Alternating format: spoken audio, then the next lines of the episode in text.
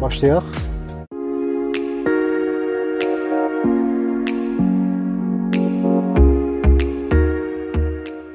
Dəyərli izləyicilərimiz salam. Sizi Bizniskar kanalımıza salamlayırıq. Bugünkü Bizniskarın qonağı Azərbaycanın məşhur e, sahibkarı, investoru, xeyriyyəçi filantropu Zəfər Məmmədovdur. Zəfər bəy, xoş gəlmisiniz. Çox sağ olun, minnətdaram dəvətiniz üçün. Təşəkkür edirəm. İlk öncə ə, başlamamışdan qabaq mən belə bir xahişdən qırağa çıxmaq istəyirəm. Ə, Zəfər bəylə ümumiyyətlə biz bir-birimizi tanıyırıq, yəni uzun müddətdir tanıyırıq. Ə, Müəyyən bir biznes layihələrimiz olub, işləmişik bir yerdə. Həqiqətən biznes pilləsinin ən aşağı pillələrinə, yuxarı pilləsinə kimi öz bacarığı, qabiliyyəti ilə qalxan insandır. Və biz istəyirik ki, Bizniskar kanalında dəvətimizdən məqsəd odur ki, onun həyat və yaradıcılığını, işini, qabiliyyətini ə, siz də burada görəsiniz, dəyərli məsləhətlərinə ə, qulaq asasınız.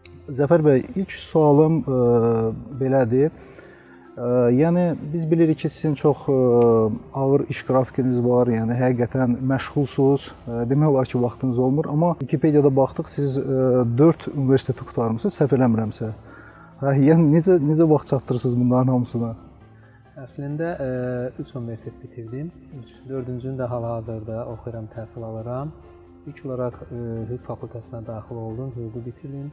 Sonra magistraturasını, ondan sonra o sahə üzrə ə, fəaliyyətimi davam etdirmədiyim üçün yenidən Rəssamlıq Akademiyasının Memarlıq kafedrasında Memarlıq fakültəsinə daxil oldum və orada təhsilimi davam etdirdim. Çünki artıq biznesin e, belə bildiyimiz kimi bu inşaat yönünü seçdiyimiz üçün e, memarlığın sadəcə olaraq e, təcrübəsindən deyil, nəzəri biliklərini də yiyələmək lazım olduğu üçün universitetə daxil olduq.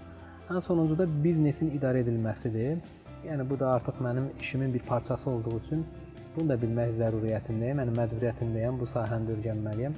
Sadəcə yenə deyirəm, təcrübə ilə deyil, nəzəri biliklərin də önəmli olduğu üçün artıq 4-cü universitetdə biznesin idarə edilməsi fakültəsinin tələbəsiyəm. Bilirsiniz, belə bir məsələ var. Ümumiyyətlə biz bilirik ki, sizin çox uğurlu layihələriniz olub. Amma əsas uğurlu layihələrdən biri bu Zəfəroğlu inşaatdır. Mən səhv eləmirəmsə 2010-cu ildə bu şirkət təsis olundu.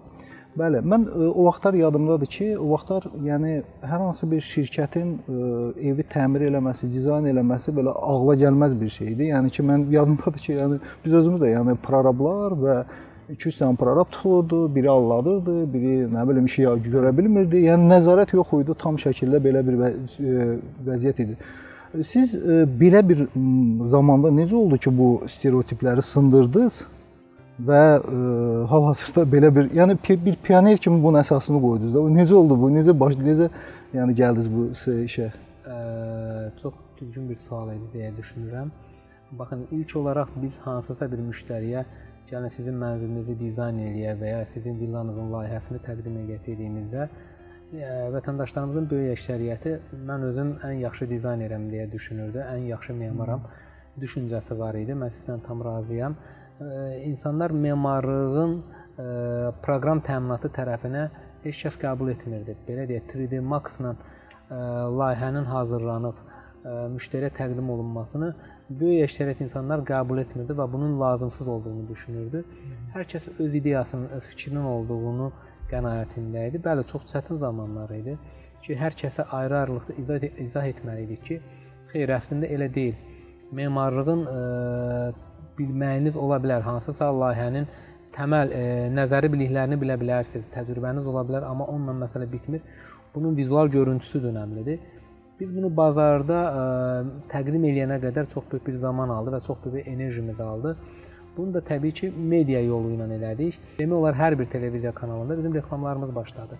Başa düşdük ki, təbliğatı ancaq bu cür eləyə bilərik və vətəndaşlarımız bu yolla insanlar dizaynın nə olduğunu anlaya bilər. Dalınla sosial sosial media ölkəmizdə gücləndi bilirsiniz də. O zamanlar hmm, sosial media o qədər aktiv deyil idi. Yavaş-yavaş sosial medialarda reklamlarımızı başladıq verməyə. Bu cür təbliğatlar apara-apara artıq insanlarımız dizaynın e, nə qədər önəmli olduğunu anladılar. Və demək olar ki, günümüzdə e, mənzil alan e, vətəndaşların böyük əksəriyyəti evlərini mütləq 3D görüntünü, yəni dizayn etdirməmiş heç kəs evini təmir etdirmir. Bu düşünürəm ki, bizim uğurlarımızdan ən birincisidir. Bu əlbəttə ki, bütün demək olar ki, Azərbaycan biznesini dəyişdi. Yəni yenilik idi. Təbii ki, xaricdə var idi bu. Bu bir yenilik idi. Yəni bu mən razıyam bundan. Burada belə bir şey, amma həmin dövrlərdə mənim yadımdadır, mən saytda da oxudum sizdə ki, siz daha bu bununla bağlı mükafatlar, beynəlxalq mükafatlar qazandınız. Yəni bu mükafatları sizə buna mı görə verdilər? Hansı, yəni uğurlarınıza görə təqdim elədilər onları? Belə deyək də biz bir o vaxtdan sizi tanıyırıq. Biz sadəcə Azərbaycanda fəaliyyət göstərmirdik. Azərbaycanla yanaşı Türkiyədə, qonşu Türkiyədə, qardaş Türkiyədə, Rusiyada, Dubayda və bir çox ölkələrdə, Ukraynada layihələrimiz oldu və başladıq hmm. digər ölkələrdə də biz həmin o villalarımızı tikməyə, evlərini təmir etməyə, dizayn layihələri görməyə hmm. və bunların nəticəsi olaraq bizə bir neçə ölkədə mükafat verdilər. Bunun ilk mükafatımızı səhv etmirəmsə İngiltərədə aldıq 2012-ci ildə. Dalınla Amerikada və Dubay şəhərində Birləşmiş Ərəb Əmirliklərinin Dubay şəhərində biz mükafatımızda e, sonuncu mükafatımız düşünürəm ki, səhv etmirəmsə 2014-cü il idi. İlk mükafatımız 2012, 2013 Amerikada, 2014-də Dubay şəhərində. Ardıcıl olaraq 3 il 3 il demək olar ki, ardıcıl olaraq alınıbdı. Əslində bu bir yaxşı bir göstəricidir. Yəni mən Azərbaycandan başqa var idimi? Yəni şirkətlər hansı Bəli, ki? o zaman ə, bizlə yanaşı Azərbaycandan iki şirkət var idi bir ilk mükafatımızda, ikinci mükafatımızda bir, sonuncu mükafatımız Dubayda olan mükafatımızda 3 şirkətimiz Azərbaycanı təmsil edirdi. E, belə bir şey deyim. Yəni bu layihəniz həqiqətən uğurlu layihədir. Hal-hazırda Azərbaycanın aparıcı belə təmir tikinti şirkətlərindən biridir. Amma belə deyim, yeni layihələriniz varmı? Yəni yeni layihələrin üzərində işləyirsinizmi? Yəni investisiya, təzə investisiyalar yatırılırmı yeni işlərə? Bəli, yeni layihələrimiz üzərində hal-hazırda işləyirik. Azərbaycanın ikinci ən böyük şəhəri olan Gəncə şəhərində lampa istehsalı fabrikinin açılışı artıq yaxın zamanlardadır. Planlamamıza uyğun olaraq sentyabr ayında inşallah lampa fabrikimizin açılışı olmalıdır. Bu bizim yan sahəmizdir və düşünürəm ki, yaxın illərdə Azərbaycanda ən uğurlu layihələr istehsalatda olacaqdır. Hı -hı. Çünki yerli istehsalat tələbat günü-gündən artır. Bildiyiniz kimi bütün sahələrdə istifadə etdiyimiz məhsulların böyük əksəriyyətini biz digər ölkələrdən alırıq. Bəli, elədir. Və bu asılılığı aradan götürməkdən ötürü hal-hazırda ölkəmizdə yetərincə şərait yaradılıbdır. Buna misal olaraq mən Gəncə şəhərində açacağımız lampa fabrikini misal göstərə bilərəm ki, ə, İqtisadiyyat Nazirliyi yanında ə, biznesə dəstək fondu var və biz o fondun vasitəsilə biz bu fabrikin yaranmasına ə, yəni böyük bir köməkləri oldu. Bizə illik 5% ilə kredit ayırdılar. Hətta 1 illik ümumiyyətlə məbləğ ödəməmək, ikinci ildən amma ana məbləğ ödəmək, bir il sadəcə faiz hissəsini ödəməklə belə bir şərait yaratdılar. Və düşünürəm ki, e, nəinki biz bütün sahibkarlar e, artıq nəyinsə alıb satmaq deyil, e, gətirib satacaqları məhsulu yerli istehsal eləməklərinin tam zamanıdır.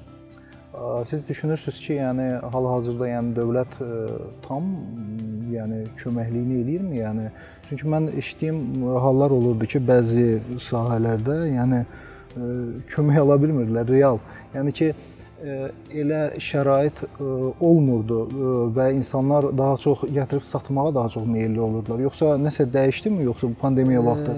Belə bir fikir deyim də, baxın. Mən artıq 2010-cu ildən Zəfəroğlunun, amma ondan da qabaq 4 il digər şirkətin rəhbəri olmuşam. Hmm. 15 il müddətində düşünürəm ki, Azərbaycanda istehsalat üçün ən düzgün zaman indidir. Artıq şəxsən mənim fikrimdir ki, heç bir maneə qalmayıbdır. İstər vergilərdən, istər gömrükdən və istər digər sahələrdən, yəni o sahibkarları sıxmaq, boğmaq, istehsalatın yaranmağında süni əngəllərin yaradılması varsa da çox azdır. Buna misal olaraq nəyə göstərə bilərəm? Biz bu o, lampa fabrikinin yaranması ilə bağlı təşviq sənədi almalıydıq və gətirdiyimiz xam malın və dəzgahların gömrük rüsumundan azad edilməsi. E, siz inanırsınız, biz bu sənədləri əldə etdiyimiz e, zaman bir dəfə olsun belə orada çalışan məmurun üzünü görmədik. Rəsmi olaraq müraciətimizi etdik. Müraciətə baxıldı və bizə müraciətin müsbət qarşılandı. Dedikləri sənədləri topladıq, verdik və bizim xam malın gömrük rüsumundan azad olunmağı ilə bağlı sənədimizi təqdim etdilər. Çox Yəni hal-hazırda ölkəmizdəki durum budur. Yəni şərait yaradılır. Şərait mənə görə yaradılıbdır və bunun üçün də e, bəli bizim bir bir də bizim ən böyük düşünürəm problemlərimizdən biri bilirsiniz nədir? E, böyük əksəriyyətimiz düşünürük ki, biznes qurmaqda süni əngəllər var. Hmm. Yəni çox maraqlıdır ki, bunu bizneslə məşğul olan insanlar deyir daha düzdür, çox. Düzdür. E, süni əngəllər yoxdur, olmayıb, olub təbii ki, yəni bunu danmaq düzgün hmm. deyil.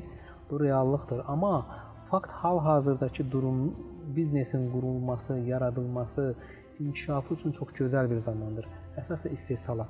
Çünki dövlət istehsalat müəssisələrinin açılması üçün möhtəşəm e, belə deyək də şərait yaradır. İstər e, rüsumundan azad olunmağından bağlı, verginin azaldılması, gömrük rüsumundan azad edilməsi, dəzgahların rüsumsuz ölkəyə gətirilməsi və s. digər şərtlərlə bağlı çox gözəl bir şərait yaradılıb.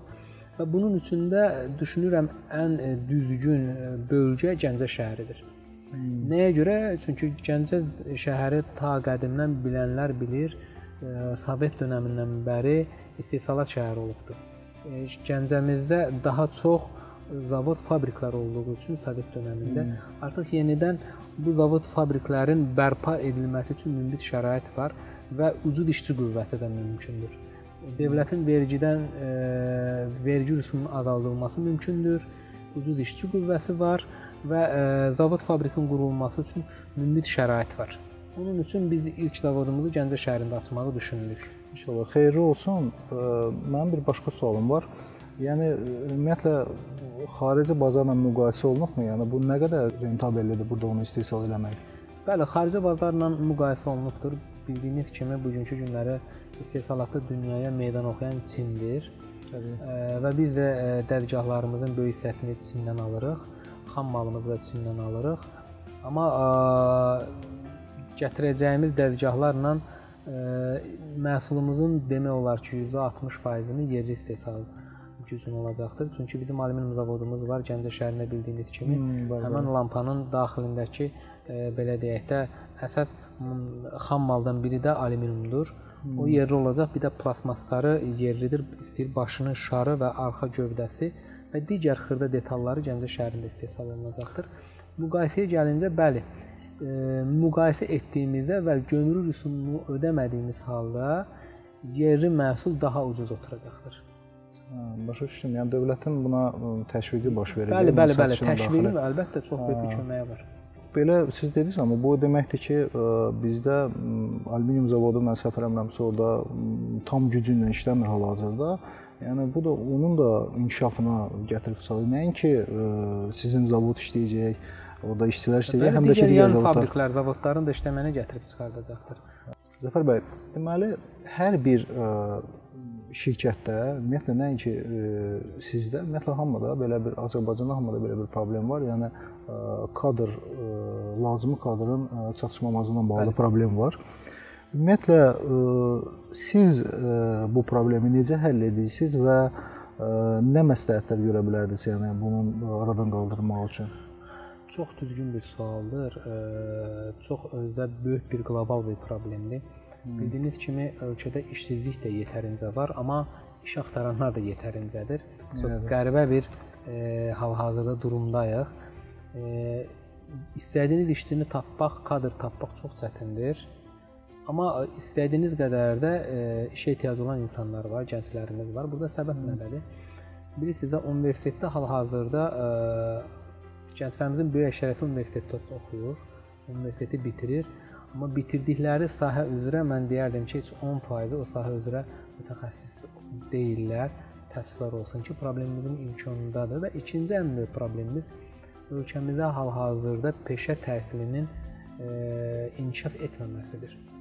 İnkişaf etmiş ölkələrdə əsas ə, e, ali ə, e, məktəblərə deyil də peşə məktəblərinə daha çox ə, e, ciddi yanaşılır və onlara daha çox qayğı göstərilir. Çünki əhalinin e, bir neçə faiz, yəni deyək 3 və ya 5 faizi ali təhsil ola bilər.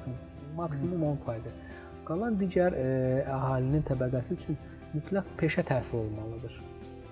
Bu peşə təhsili olmadığı üçün bir dəqiqə hər kəs kadrlardan çox böyük bir əziyyət çəkir. Birinci səbəbi bunda görürəm. İkinci də ali məktəblərin təcrübə bazası yoxdur. Nəzəri biliklər verirlər və ə, həmin ali məktəbi bitirən tələbələrin nəzəri bilikdən başqa təcrübəsi olmadığı üçün özlərinə ə, yetəri düzgün iş tapa bilmirlər. Bu da böyük hmm. problemlərdən biridir. Və düşünürəm ki, ə, və məsləhətim odur ki, yeni açılan şirkətlərə və ya öz peşəkar kadrlarının yetişməsini istəyən şirkətlər öz daxillərində akademiya yaratsınlar. Hansı ki biz onu eləmişik artıq neçə vaxt uzun müddətdir. Çünki hər şirkətin özünə məxsus bir ehtiyacı olan kadrlar olur. Biz də bunu yetişdirməkdən ötürü mütləq qaydada bir sizin daxili akademiyanız olmalıdır ki, orada istədiyiniz təcrübəni verib sonra işlə təmin edəsiniz.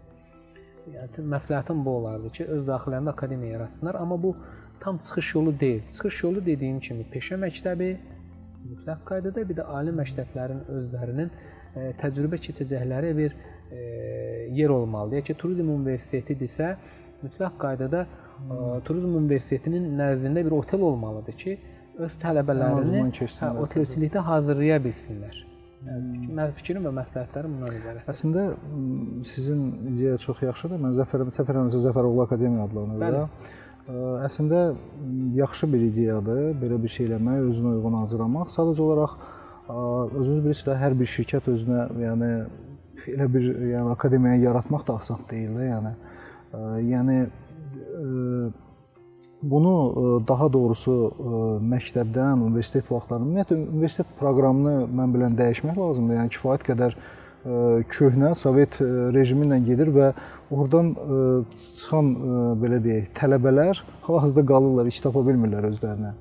Yəni bu bu problemi görürsən həll eləmək üçün ümumiyyətlə nəsə bir tədbirlər görülürmü? Yəni ki, bu dövlət ən azından bir şey eləməlidir də bunu bunu şey eləməyə, dəyişməyə görə. Yoxsa bu yəni biz yenə eyni qayda ilə davam edəcəyik, yenə eyni qayda ilə işçiləri öyrətməliyik onlara bir e, sonra təzədən onu yanımızda işlətməliyik və fakt o deyil ki, sən öyrətdiyin işçi, yəni sənin yanında qalır, işləyir. Bu istənilən moment yəni tə tərk edə bilər. Yəni bu indi mən öz haşiyədən qırağa çıxdım, amma belə deyək, yeni kadr gəlir, işləmək istəyirsə, ümumiyyətlə onda hansı kriteriyalar əsas götürülür? Yəni e, bunun e, belə deyim, diplomu vacibdirmi, yoxsa bacarıqları vacibdirmi? Hansı daha vacib götürülür? Sırf bizdə mən diploma ikinci dərəcəli baxıram. Diplomun önəmli olduğunu təbii ki, önəmlidir, amma diplomdan önəmli olan e, götürəcəyimiz kadrın iş bacarığıdır. Onun üçün ilkin olaraq iş bacarığıdır və ikinci gəlir onun hansı universitet bitirib əlində elədiyi diplomu. Çünki diplomlu o qədər gənclərimiz var ki, biz o gənclərə e, öz bitirdiyi ixtisas üzrə hansısa bir işi versə, heç o işin 10% deyil, 5%-ni belə bacara bilməyən gənclərimiz də mövcuddur. Yəni bu hər kəsə bəllidir. Onun üçün iş bacarığı önəmlidir. Diplomun önəmli olaraq iş bacarığıdır. Bir də bilsiz, e, problemlərimizdən ən böyüyü nədədir? E, gənclərimiz işə tam ciddi yanaşmırlar. Hər kəs demirəm, amma böyük əksəriyyəti bilsiz, işin özünün də bir mədəniyyəti var. O da tam bizdə formalaşmır. Sahibkar olaraq bunu deyim, tam səmimi olaraq Bilirsiz, işə gəlmə, getmə, işdə işin bacarma, işdə işləmə zamanını necə dəyərləndirmə, hər bir şeyin özünə uyğun olaraq bir yeri və vaxtı var. Çox təəssüflər olsun ki, gənclərimizin böyük əksəriyyətində bu da formalaşmayıbdır. Bir ay işdə də çıxaram gedib başqa yerdə işləyərəm. Yəni bu sadəcə olaraq düşünün ki, bizdədir. Qardaş Türkiyədə yanaşma bu cür deyil. İşə daha ciddi, daha möhkəm, hər kəs işi ikinci bir ailəsi kimi təsəvvür eləyir.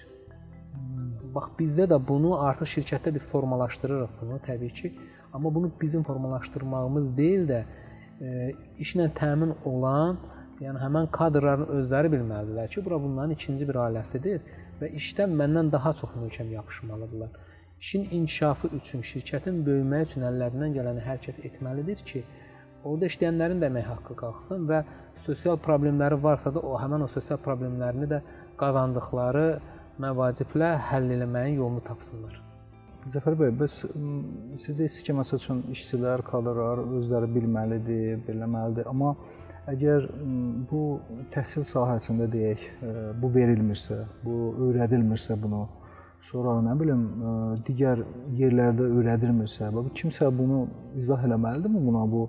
Yəni insan dediyin insan dediyin şəxs yəni ən azından bir yerdən bunu öyrənməlidir, eşitməlidir. Bu bəlkə bunu bir belə deyək akademik formada, yəni təqdim olunmalıdır ki, bu insanlar onu müəyyən bir o mərhələyə gəlməmişdən bilsinlər. Düzdür, mən razıyam. İndi bizdə məsəl üçün bir keçid dövrü yaşadıq, müharibə dövründə idik. Şükür Allaha müharibə qurtardı, daha qələbəmizdə, amma yenə də bu keçid dövrünün bu qədər uzun getməsi və təhsil sisteminin köhnə formada qalması, yəni buna necə fikirləşirsiniz? Buna təsir eləyirmi bunların hamısı buna?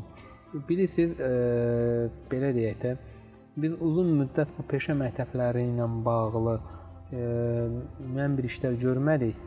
Hal-hazırda onun problemini yaşayırıq, amma desək ki, hal-hazırda necə yanaşılır? Mən bəzi məsələlərin içində olduğum bildiyim üçün görürəm ki, hal-hazırda yanaşma köhnəki kimi deyil. Həqiqətən məsələnin həlli üçün istər Təhsil Nazirliyi, istər digər qurumlar əllərindən gələni eləməyə çalışırlar və yeni bir kadrlar gəlir həmən layihələrin başına rəhbərləri həmən layihələrin başına yeni rəhbərlər gəlir ki, hansı ki əllərindən gələni eləyirlər. Dünya təcrübəsindən bizə yaxın olan ölkələrin təcrübəsindən yararlanmağa çalışırlar. Düşünürəm ki, yaxın illərdə Mən demirəm ki, yaxın 1 ildə düzələr bu məsələ. Xeyr, təbii ki, mümkün deyil, amma yaxın illərdə deyək ki, 3 ilə 4 ilə e, bizdə bu kadr məsələlərinin böyük əksəriyyəti, e, problemlərinin böyük əksəriyyəti səlini tapacağına inanıram. Çünki universitetlərin təhsilində belə keçirilən dərs proqramlarına belə yenidən baxılır. Hal-hazırda baxılır. Hə, baxılır, bəli, baxılır, müəyyən yeniləmələr olur. E, peşə məktəblərində lazımsız dərslər var idi, hansı ki, heç kəsə lazım deyil. Bunlar ortadan götürülür.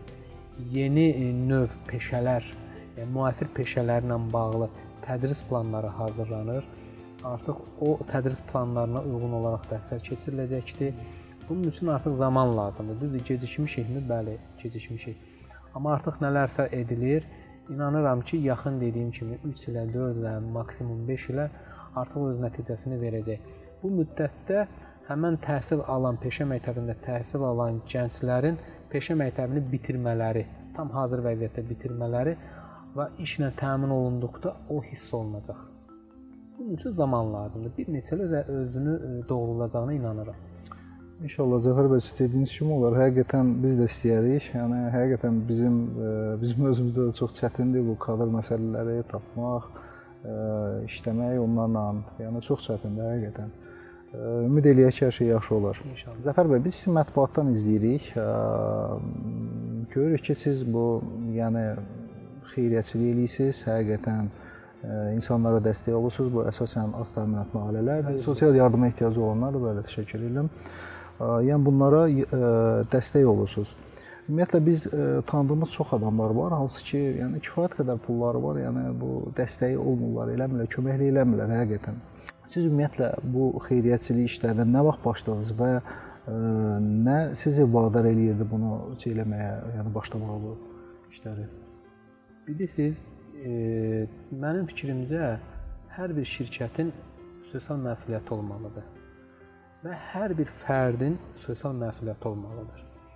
Bu çox əhəmilidir. E, bunu heç kim e, heç nə vadar etmir. Şəxsən məni heç nə vadar etmir, amma bir borcum olduğunu düşünürəm bir yanaşmam var da. Fikrimcə kimsə ailəsi üçün belə deyək də bir iş görürsə, ailəsi üçün yaxşıdırsa, öz evladı üçün, atası üçün, anası üçün bu yaxşı insan sayıla bilməz və yaxşı cəmiyyətin bir nümunəsi göstərilə bilməz. Bizdə var, bilirsiniz də, deyirlər ki, falankəsin oğlu bilsin nə yaxşı uşaqdır. Sual verəndə nə ilə bağlı deyir ki, ailəsinə belə yanaşır, atasına, valideyninə, uşağına.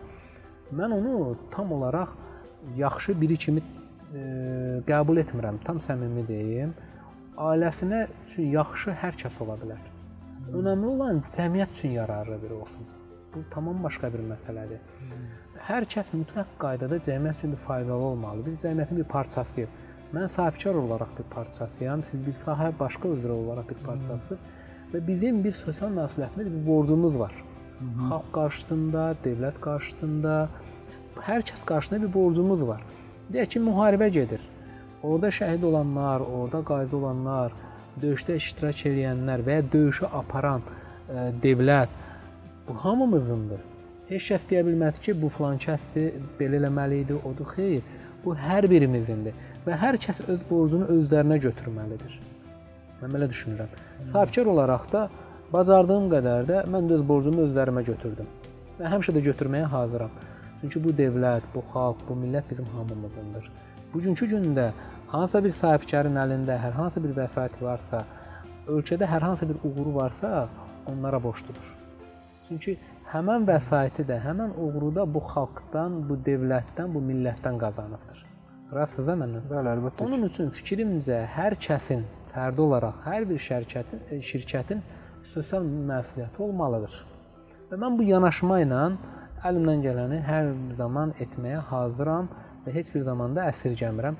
Bu mənim e, belə deyək də borcum olduğunu düşünürəm. Zəfər bəy, bax xaricdə belə bir tendensiyalar var. Ümumiyyətlə çox imkanlı şəxslər özlərinin fondlarını yaradılar və xeyriyyəçiliklə məşğul olurlar.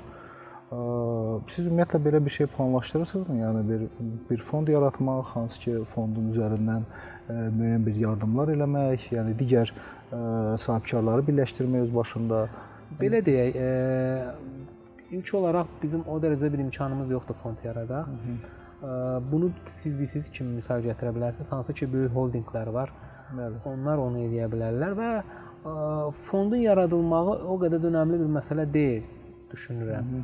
Bəli, o alternativ ailələrin tapılması, düzgün vəsaitin düzgün şəxslərə Bəli. çatması önəmli olan məsələlərdir. Yəni bunu fondsuz etmək imkanları var. Şərt deyil ki, fond olsun. Və qaldı sahibkarların bir e, yerə yığılmağı. Bəli, bununla bağlı bir təklifim olmuşdu. Hətta yaxın zamanda biz sənədimizi təqdim etmişik Ədliyyə Nazirliyinə. Böyük ehtimal e, müsbət cavab gələcəkdir. Biz Gəncə İş Adamları İctimai Birliyini yaradırıq və ə, bunu yaratmaqda məqsədimiz Gəncə şəhərində fəaliyyət göstərən bütün iş adamları ə, bir ə, ictimai birlik altında yığılsın. Nə üçün lazımdır bu? İlk olaraq bütün iş adamları bir-birlərini tanısın. İlk xeyri budur. İkinci ehtiyac olan odur ki, artıq ehtiyac olacaq, yəni açılmağı zəruri bilinən zavod fabriklərin e, ilkin e, istehsal e, avadanlıqları və xam malının mən biznes planı hazırlansın, sahibkarlara təqdim olunsun. Kimin nə gücü varsa da, yəni deyək ki, kiminsə 100 min pulu var, ona uyğun bir biznes qurmaq istəyir. Buyurun bu biznesi aça bilərsiniz və e, Gəncə İş Adamları İctimai Birliyi də buna dəstək olsun. İstər e, dövlət qurumlarından müəyyən əlaqələrin qurulmağında, istər özəl sahələrdə, bank sektorunda müəyyən kreditlərin cəlb olunmağında belə bir yana düşüncəmiz var, amma inanıram ki, yaxın zamanda bu öz həllini tapacaqdır. Və bu öz həllini tapdığı halda çox sürətlə yeni iş yerləri açılacaqdır. Yəni buna inanıram və buna əminəm. Bu siz indi Gəncə İşləmləri İctimai Birliyi İctimai Birliyi bəli dediniz. İndi hal-hazırda bu qurum necə? Yəni hazır biznes planları təklif eləyəcək və kimin gücü satırsa və yaxud da səhmdar şirkət kimi, yəni qoşulub, yəni o biznes layihələri həyata keçirə bilər. Mən düz başa düşdüm bunu. Deməli məsələ necədir? İlk olaraq Gəncə İş Adamları İctimai Birliyi formalaşdıqdan sonra ətrafına düzgün sağlam iş adamlarını toplayır və ə, e, bəzi ə, e, yeni iş qurmaq istəyən gənclərimiz var. İdeyaları var, fikirləri var, amma maliyyələri yoxdur. Realizasiya edə bilmirlər, belə deyək. Bəli, bunu dəyərləndirməkdən ötürü də iş adamları var, hansı ki, təkliflərini verə bilərlər. Ə, e, iş adamları da onu reallaşdırmağa köməklik göstərə bilər. Bu ilkin. İkincisi, iş adamlarının özlərinin yeni iş yerləri yaratmaqla bağlı müəyyən bir dəstəyə ehtiyacları olur. Hansı ki mənim ehtiyacım var idi. Buradan da təşəkkürümü edirəm Gəncə şəhər icra hakimiyyətinin rəhbərliyinə. Dəstək oldular, kömək oldular yerin tapılmağında, zavodun qurulması üçün müəyyən bir sənədləşmənin sənədləşmə məsələləri var idi həllində. Öz köməkliklərini göstərdilər ki, biz yeri quraq, yaradaq və bunun üçün artıq şəhər rəhbərliyi maraqlıdır. Yəni icra hakimiyyəti, yəni köməkli eləyir. Əlbəttə ki, baxın. Mən əvvəl yadımdaydı ki, də hə, əks proses gedirdi. Xeyr, xeyr. Böyük dəstək olurlar. Kim iş yeri açmaq istəyirsə, qurmaq istəyirsə, təklifini verir, müsbət də qarşılanır. Müsbət də qarşılanır. Deyirəm təsəvvür edin ki, biz harda ə, bu zavodun qurulmağını düşünürdük. Özləri birinci müavin düşdü yanımıza, getdi bir-bir zavod fabrikləri gəzdi. Özləri oranın rəhbərliyi ilə danışdı. Hansı ki qiymət fərqləri var idi. Özləri danışdılar ki, yəni bunu biraz aşağı eləyək, burada biraz güzəşt eləyək. Bir sözlə çox maraqlıdırlar. Dövlət bugünkü günləri yeni iş yerinin açılmağında çox maraqlıdır. Mən bunu istəyir yerli icra hakimiyyət orqanlarında da gördüm, İqtisadiyyat Nazirliyində də gördüm, Dövlət Gömrük Komitəsində də gördüm. Artıq hər kəs maraqlıdır. Çünki nə üçün maraqlıdır? Cənab prezidentin verdiyi tapşırıq budur. Hər kəs də bu tapşırığı icra etməyə çalışır. Bunun üçün bayaq da vurğuladığım üçün ölkədə istehsalatın qurulması üçün münbit şərait yaradılıbdır. Sadəcə olaraq biraz ayağa durub əziyyət çəkmək lazımdır. Bu yaxşıdır əslində. Əvvəl mənim yadımdadır bu hamısı göstəriş üçün olunurdu, amma indi əgər belə həqiqətən belə ə, addımlar irəliləmə varsa, bu çox ə, alqışa layiqdir. Yəni çox tədbirə, tədbirə layiqdir bu. Ə, Zəfər bəy, siz siz çox Gəncədən danışırsınız. Biz mətbuatda da izləyirdik. Mən də şəxsən özüm Gəncədə olanda da iştirak edirdim. Siz bu keçən il parlament seçkilərində iştirak elədiniz, yəni deputatlığa namizədliyinizi verdiniz. Həqiqətən sahənizdə yəni kifayət qədər populyar idiniz. Yəni bu mətbuatdan izlənirdi. Yəni mənim bunu deməyə ehtiyacım yoxdur, amma yenə yenə də deyirəm. Prosta bu seçkilərdə indi sizin iştirak etməyinizin etməyinizin yəni məqsəd nə idi? Yəni sizin kifayət qədər populyarlığınız var, insanlar sizi tanıyır, sevir. Yəni bu burada məqsəd nə idi iştirak etmək? Bilirsiniz, e, ilk öncə onu deyim ki, xidmət etmək üçün e, o mandatı almaq ehtiyac deyil. Dövlətinə, vətəninə, millətinə xidmət edən adam mandatsız da xidmət edər. Bu işin birinci tərəfi və ə, seçkilərə qatılmağım biraz ə, anidən oldu. Əslində ilk olaraq heç özümün də fikrim yox idi. Bir yaxın yoldaş ə, israrla dedi ki, namizədliyinizi verin, bir baxaq, yoxlayaq. Dedim, tamam. Namizədliyimizi verdik və həqiqətən də ə, gözlədiyimizdən də yaxşı bir nəticə əldə etdik. Amma qismət deyilmiş. İnşallah gələn seçkilərdə baxarıq yenidən vermək istəsək, yenidən namizədliyimizi verərik. Hə, inşallah. Olmadığı halda da yenə də deyirəm, xalqa xidmət etmək üçün ə, mandata ehtiyac yoxdur. Təbii, Düşünürəm ki, təbii. hər kəsin mandatı öz daxilində olan vicdanıdır. Vicdanla hərəkət etdiyimizdə hər kəs öz xalqına, millətinə, dövlətinə xidmət edə bilər. Zəfər bəy, başqa bir sualım.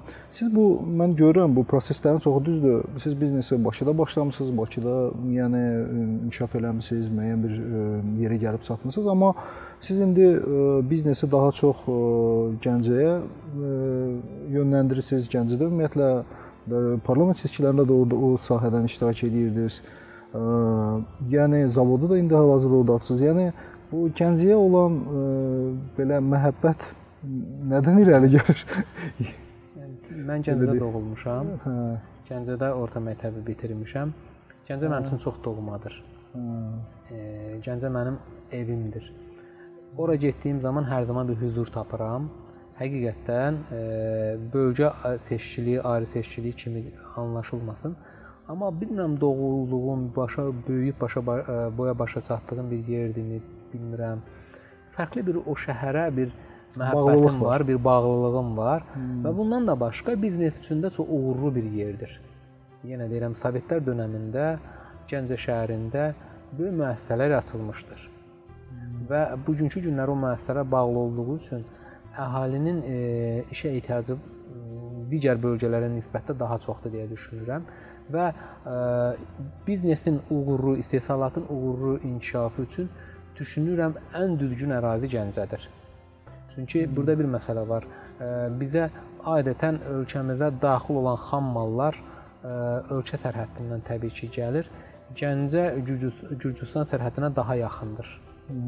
İstəyir idxal, istəyir ixrac prosesində Gəncə yerləşim olaraq çox düzgün bir yerdə yerləşir. Özü İpək yolunun üzərindədir həm də. Bəli, onun üçün də istəyir yerli istehsal, istəyir daxili istehsal etdiyimiz məhsulların ölkə xaricinə çıxartmaq baxımından Gəncə düzgün yerdədir. İstəyir xam malı gətirib ölkədə istehsal etmək üçün Gəncə düzgün yerdədir. Onun üçün hər baxımından Gəncə biznes üçün çox uğurlu bir şəhərdir.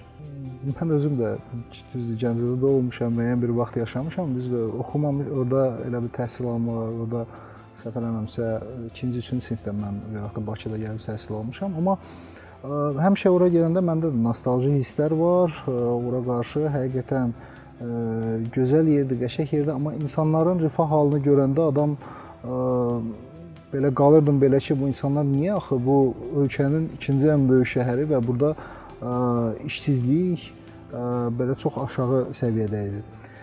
Yəni indi mənim sualım nədən ibarətdir? Müasir dövrdə, bax deyək ki, müasir dövrdə sizin dediysiniz müəyyən bir dövlət proqramlar eləyir, köməkli edir.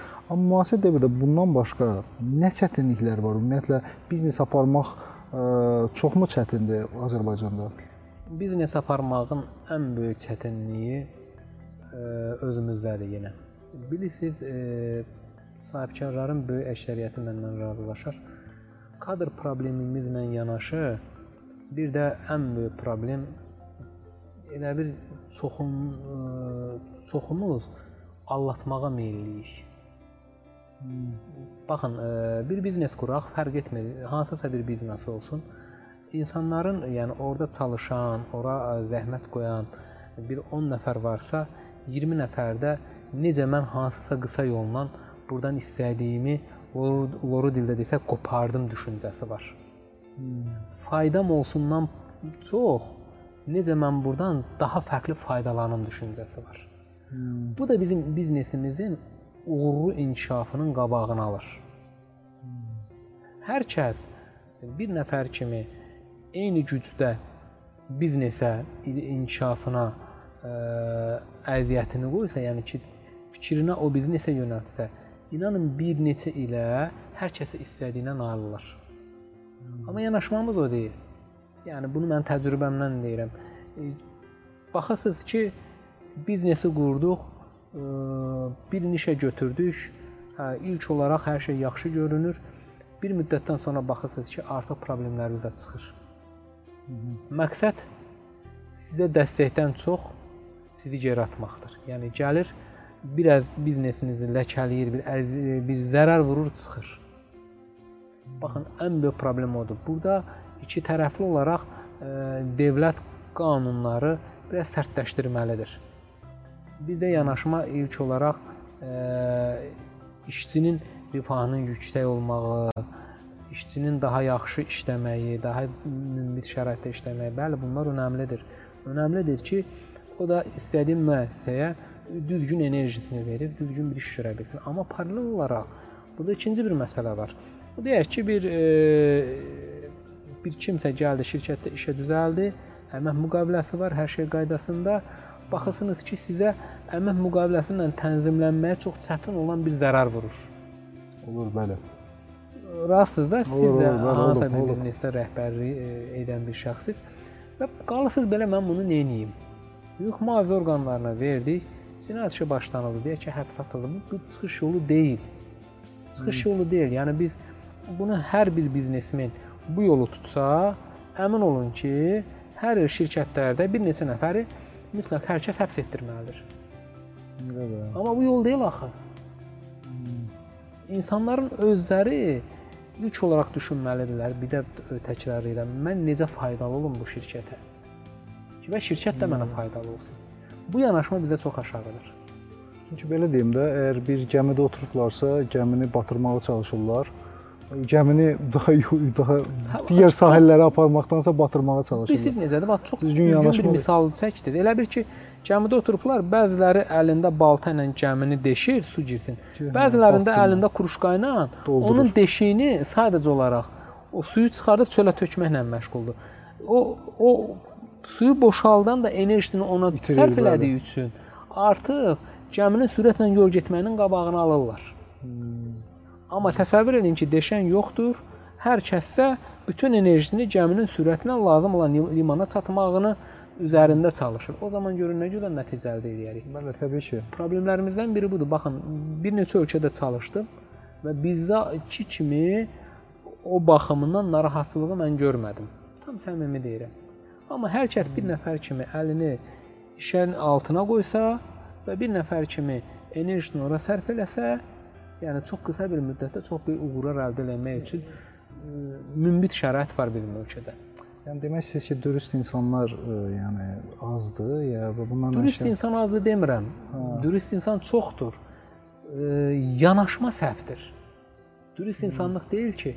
Burada problem bilirsiniz nədədir? Deyək ki, birini işdən çıxartdıq, e, bir müddət sonra digəri götürdü. Hər kəs işə götürəcəyi şəxsin mütləq köhnə iş yerindən bir arayış olmalıdır əlində, bir rekomendasiyası olmalıdır ki, bəli, bu işçi burada necə işləyibdi? Bir sənəd gətirməlidir. Bu halda o həmən o e, e, işlə təmin olunacaq şəxs ikinci səfər o hərəkət eləməz. Çünki bilir artıq digər yerdə iş tapmağı çətin olacaq bunun üçün. Mən səfərmişəm xaricdə bu ə, sizin təcrübə dediyiniz təcrübədən istifadə Mütləq edirlər. var, əlbəttə ki, var. Hə, Əslində yax, yaxşı fikir. Əslində istifadə edirlər. Ölkədə mən bildiyim böyük şirkətlər var. Çünki bizim yanımızda çox işləyən ə, uşaqlar olub, hansı ki digər şirkətlərə gediblər. Biz onlara ə, bu ə, məktubları vermişik, ə, rekomendasiya məktublarını və ə, olur. Bizdə gedir o proses, amma ə, təsəvvür olun ki, hamıda yoxdur. Yəni konkret bir ölkə səviyyəsində bir deyilək ki, hamıda olmalıdır bu. Yəni çox gözəl olardı. Əslində bizim üçün də rahat olardı ki, yəni işçini götürəndə ən azından bilirsən ki, ə, nə ə, necə bir işçidir. Ən azından bir xırda da olsa bir dürüstlüyünə ola bilər sonra nəsə olsun, amma ən azından indiki vəziyyətdə bilirsən ki, necə dürüst insandır. Bilirsiniz, bilmədən səhv hamımız eləyə bilərik. Yox, səhv təbii. Hə. Bu normaldır, qəbul olunandır, çünki səhvlər insanlar üçündür. Amma illa bilə-bilə edilən səhvlər var. Bəli. Bilə-bilə dəfələrlə olunan səhvlər var. Hmm. Və bu da günü-gündən sizi geriyə atır.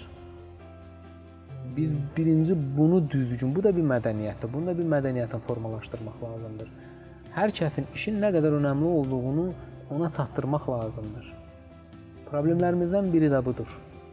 O deyirik, e, universitetlər və peşə məktəbləri yeniləməlidirlər e, təhsil planlarını. Orada mütləq iş mədəniyyəti ilə də bağlı bir e, tədris planına əlavə olunmalıdır. Hər kəs o işdəki o məsələn ondan getmir ki, adam var, savadı da var, biliyi də var, bacarığı da var. Amma problem bilirsiniz nədədir? Adamda iş mədəniyyəti formalaşmayıb. Bu gün işə girdi, deyək ki, misal deyirəm də 1000 manata işə girdi. 3 gündən sonra biri qıraqdan 1050 manat deyəndə artıq düşünmədən hər şeyini tuluyub həmin gün getmək istəyən insanlar da olur. Bu da bir mədəniyyətdə formalaşmalıdır. İşə götürən də, işdən çıxardan da bu əmək məcəlləsi ilə e, elə bir tənzimlənməlidir ki, işə götürən də başa düşməlidir ki, bu şəxsi bu qədər müddətdən tez çıxartmamalıdır. Ə, dərin bir qüsurları olmadığı halda. Ə, Dəyərli izləyicilərimiz, deməli ə, bizdə ə, siz Zəfər bəy bizim qonağımızdır. Hal-hazırda biz biz offline şəkildə bunu çəkirik, amma yenə də siz suallarınızı ünvanlaya bilərsiniz bizdə şərh bölməsində. Biz mütləq bizim əməkdaşlar ə, Zəfər bəylə əlaqə saxlayıb həm də az da olsa sualları cavablandırmağa çalışacağıq. Beləcə, deməli növbəti sualımız, ə, növbəti deyəndə sonuncu sualımızdır. Bu Zəfər bəy sizi çox saxladıq. Ümumiyyətlə biznesini açmaq istəyən yeni bizneskarlara biz indi yeni bir termin yaratmışıq, bizneskar. Bu sahibkarla biznesmeni birləşdirmişik, bizneskar yaratmışıq. Bizneskarlara siz nə məsləhət görərsiniz? Bax yeni bax yeni indi başlayan insanlara hansı ki ilk addımlarındadır. Nə məsləhət görərdiniz? Bir məsləhət hansı ki onu indi indiki durumundan daha üstün duruma gətirib çıxarda bilər. Bilirsiniz, yeni biznesi qurmaq istəyən gənclərimizin böyük əksəriyyəti ilk olaraq düşünürlər ki, maliyyə önəmlidir. Amma ə, maliyyənin önəmli olduğunu mən də razılaşıram, amma düşündükləri qədər maliyyə önəmli deyil. Baxın, ilk olaraq bunu demək istəyirəm. Hər kəs düşünür ki, mənim bir ideyam var, fikrim var, pulum olsa bu işi görərəm. Gəlirlər ə, maliyyədə dirənirlər. Yəni ki, maliyyədə bunların maliyyə çatışmamazlığı olduğu üçün bu biznesi qura bilmirlər. Amma mən bundan tamamilə tam razı deyiləm. İlkin biznes araşdırması aparmalıdırlar. Bu işin ən birincisi. İlkin biznes araşdırmasından sonra satacaqları məhsulu və ya istehsal edəcəkləri məhsulun bazar analizinə uyğun olaraq qiymət fərqini, karını, çıxacağı xərcləri düzgün analiz eləməlidirlər. Bundan sonra ən minimal xırda bir yerdən başlaya bilərlər və ya həmən sahədə ə, fəaliyyət göstərən şirkətdə gedib işləyib müəyyən təcrübələri öyrənib yenidən ölüşünü qura bilərlər. Çox rahat bir şeydir. Burada qalır insan bacarığına. Amma bizim çoxumuz nə deyirik gənclərin böyük əksəriyyəti? Pulum yoxdur, ona görə işini eləyə bilmirəm. Bu yanaşma biraz gülməlidir. Çünki nəyə görə gülməlidir? Bəzən də çoxları inanmaz. Mən Zəfəroğlu inşaatı 2400 manatla, o vaxt 3000 dollarla qurmuşam. Hmm. Çətin bir şey deyildi ki, əziyyət çəkdi, zulm çəkdi. Amma bir yerlərə gəldik, çıxdıq. Ən xırdadan, balacadan, nöqtədən başlayırsınız, sonra bu yavaş-yavaş böyüyür də. Amma ə, çoxları onunla razılaşmır. Böyükdən başlamağı fikirləşirlər. Elədir, bəli. Rastsız da? Bəli, bəli. Böyükdən də başlamaq istəyəndə təbii ki, biznesin qurulmağı daha da çətinləşir. Və riskləri hesablamaq lazımdır. Bu da çox önəmlidir. E, ikinci bir məsələ e, yeni iş qurmaq istəyənlərin böyük əksəriyyəti kreditlə iş qurmağa çalışırlar. Bu mənim fikrimcə qəbul edilməzdir. Çünki kreditlə iş qurulmaz, kreditlə iş böyüyər. Hansısa bir biznesiniz olmalıdır ki, Siz bu biznesdə müəyyən bir xırda bir uğurunuz olsun, ondan sonra siz bunu kreditlə böyüdün. Amma kreditlə biznes qurma anlayışı mənə görə düzgün bir anlayış deyil. Bu sizi daha çox batırar, nəinki uğur qazandırar. Zəfər bəy, deməli, ümumiyyətlə danışılacaq mövzularımız çoxdur. Yəni indi danışırıq, yəni kifayət qədər çox da sizi saxladıq. Burada indi ümid edirəm ki, növbəti dəfə də bizim dəvətimizi qəbul edərsiniz, gələrsiniz, öz dəyərli fikirlərinizi bizim bu gənc bizneskarlara bildirərsiniz. Ümumiyyətlə kanalımıza gəldiyiniz və iştirak etdiyinizə görə sizə təşəkkür edirik. Çox sağ olun. Mən təşəkkür edirəm dəvət etdiniz. Xoş idi. Həqiqətən də fikirlərimizi bölüşdük. İnanırıq ki, inşallah bir faydası olar. Həm izləyicilərimiz üçün, həm sizin üçün. Təşəkkür edirəm. Sağ olun. İnşallah. Sağ olun. Dəyərli izləyicilərimiz, vaxtınızı sərf edib verilişimizə baxdığınıza görə təşəkkürümüzü bildiririk. Əgər həqiqətən faydalı oldusa, like etməyi, şərh yazmağı və dostlarınızla paylaşmağı unutmayın. Yeni videolarda görüşmək ümidi ilə sağ olun.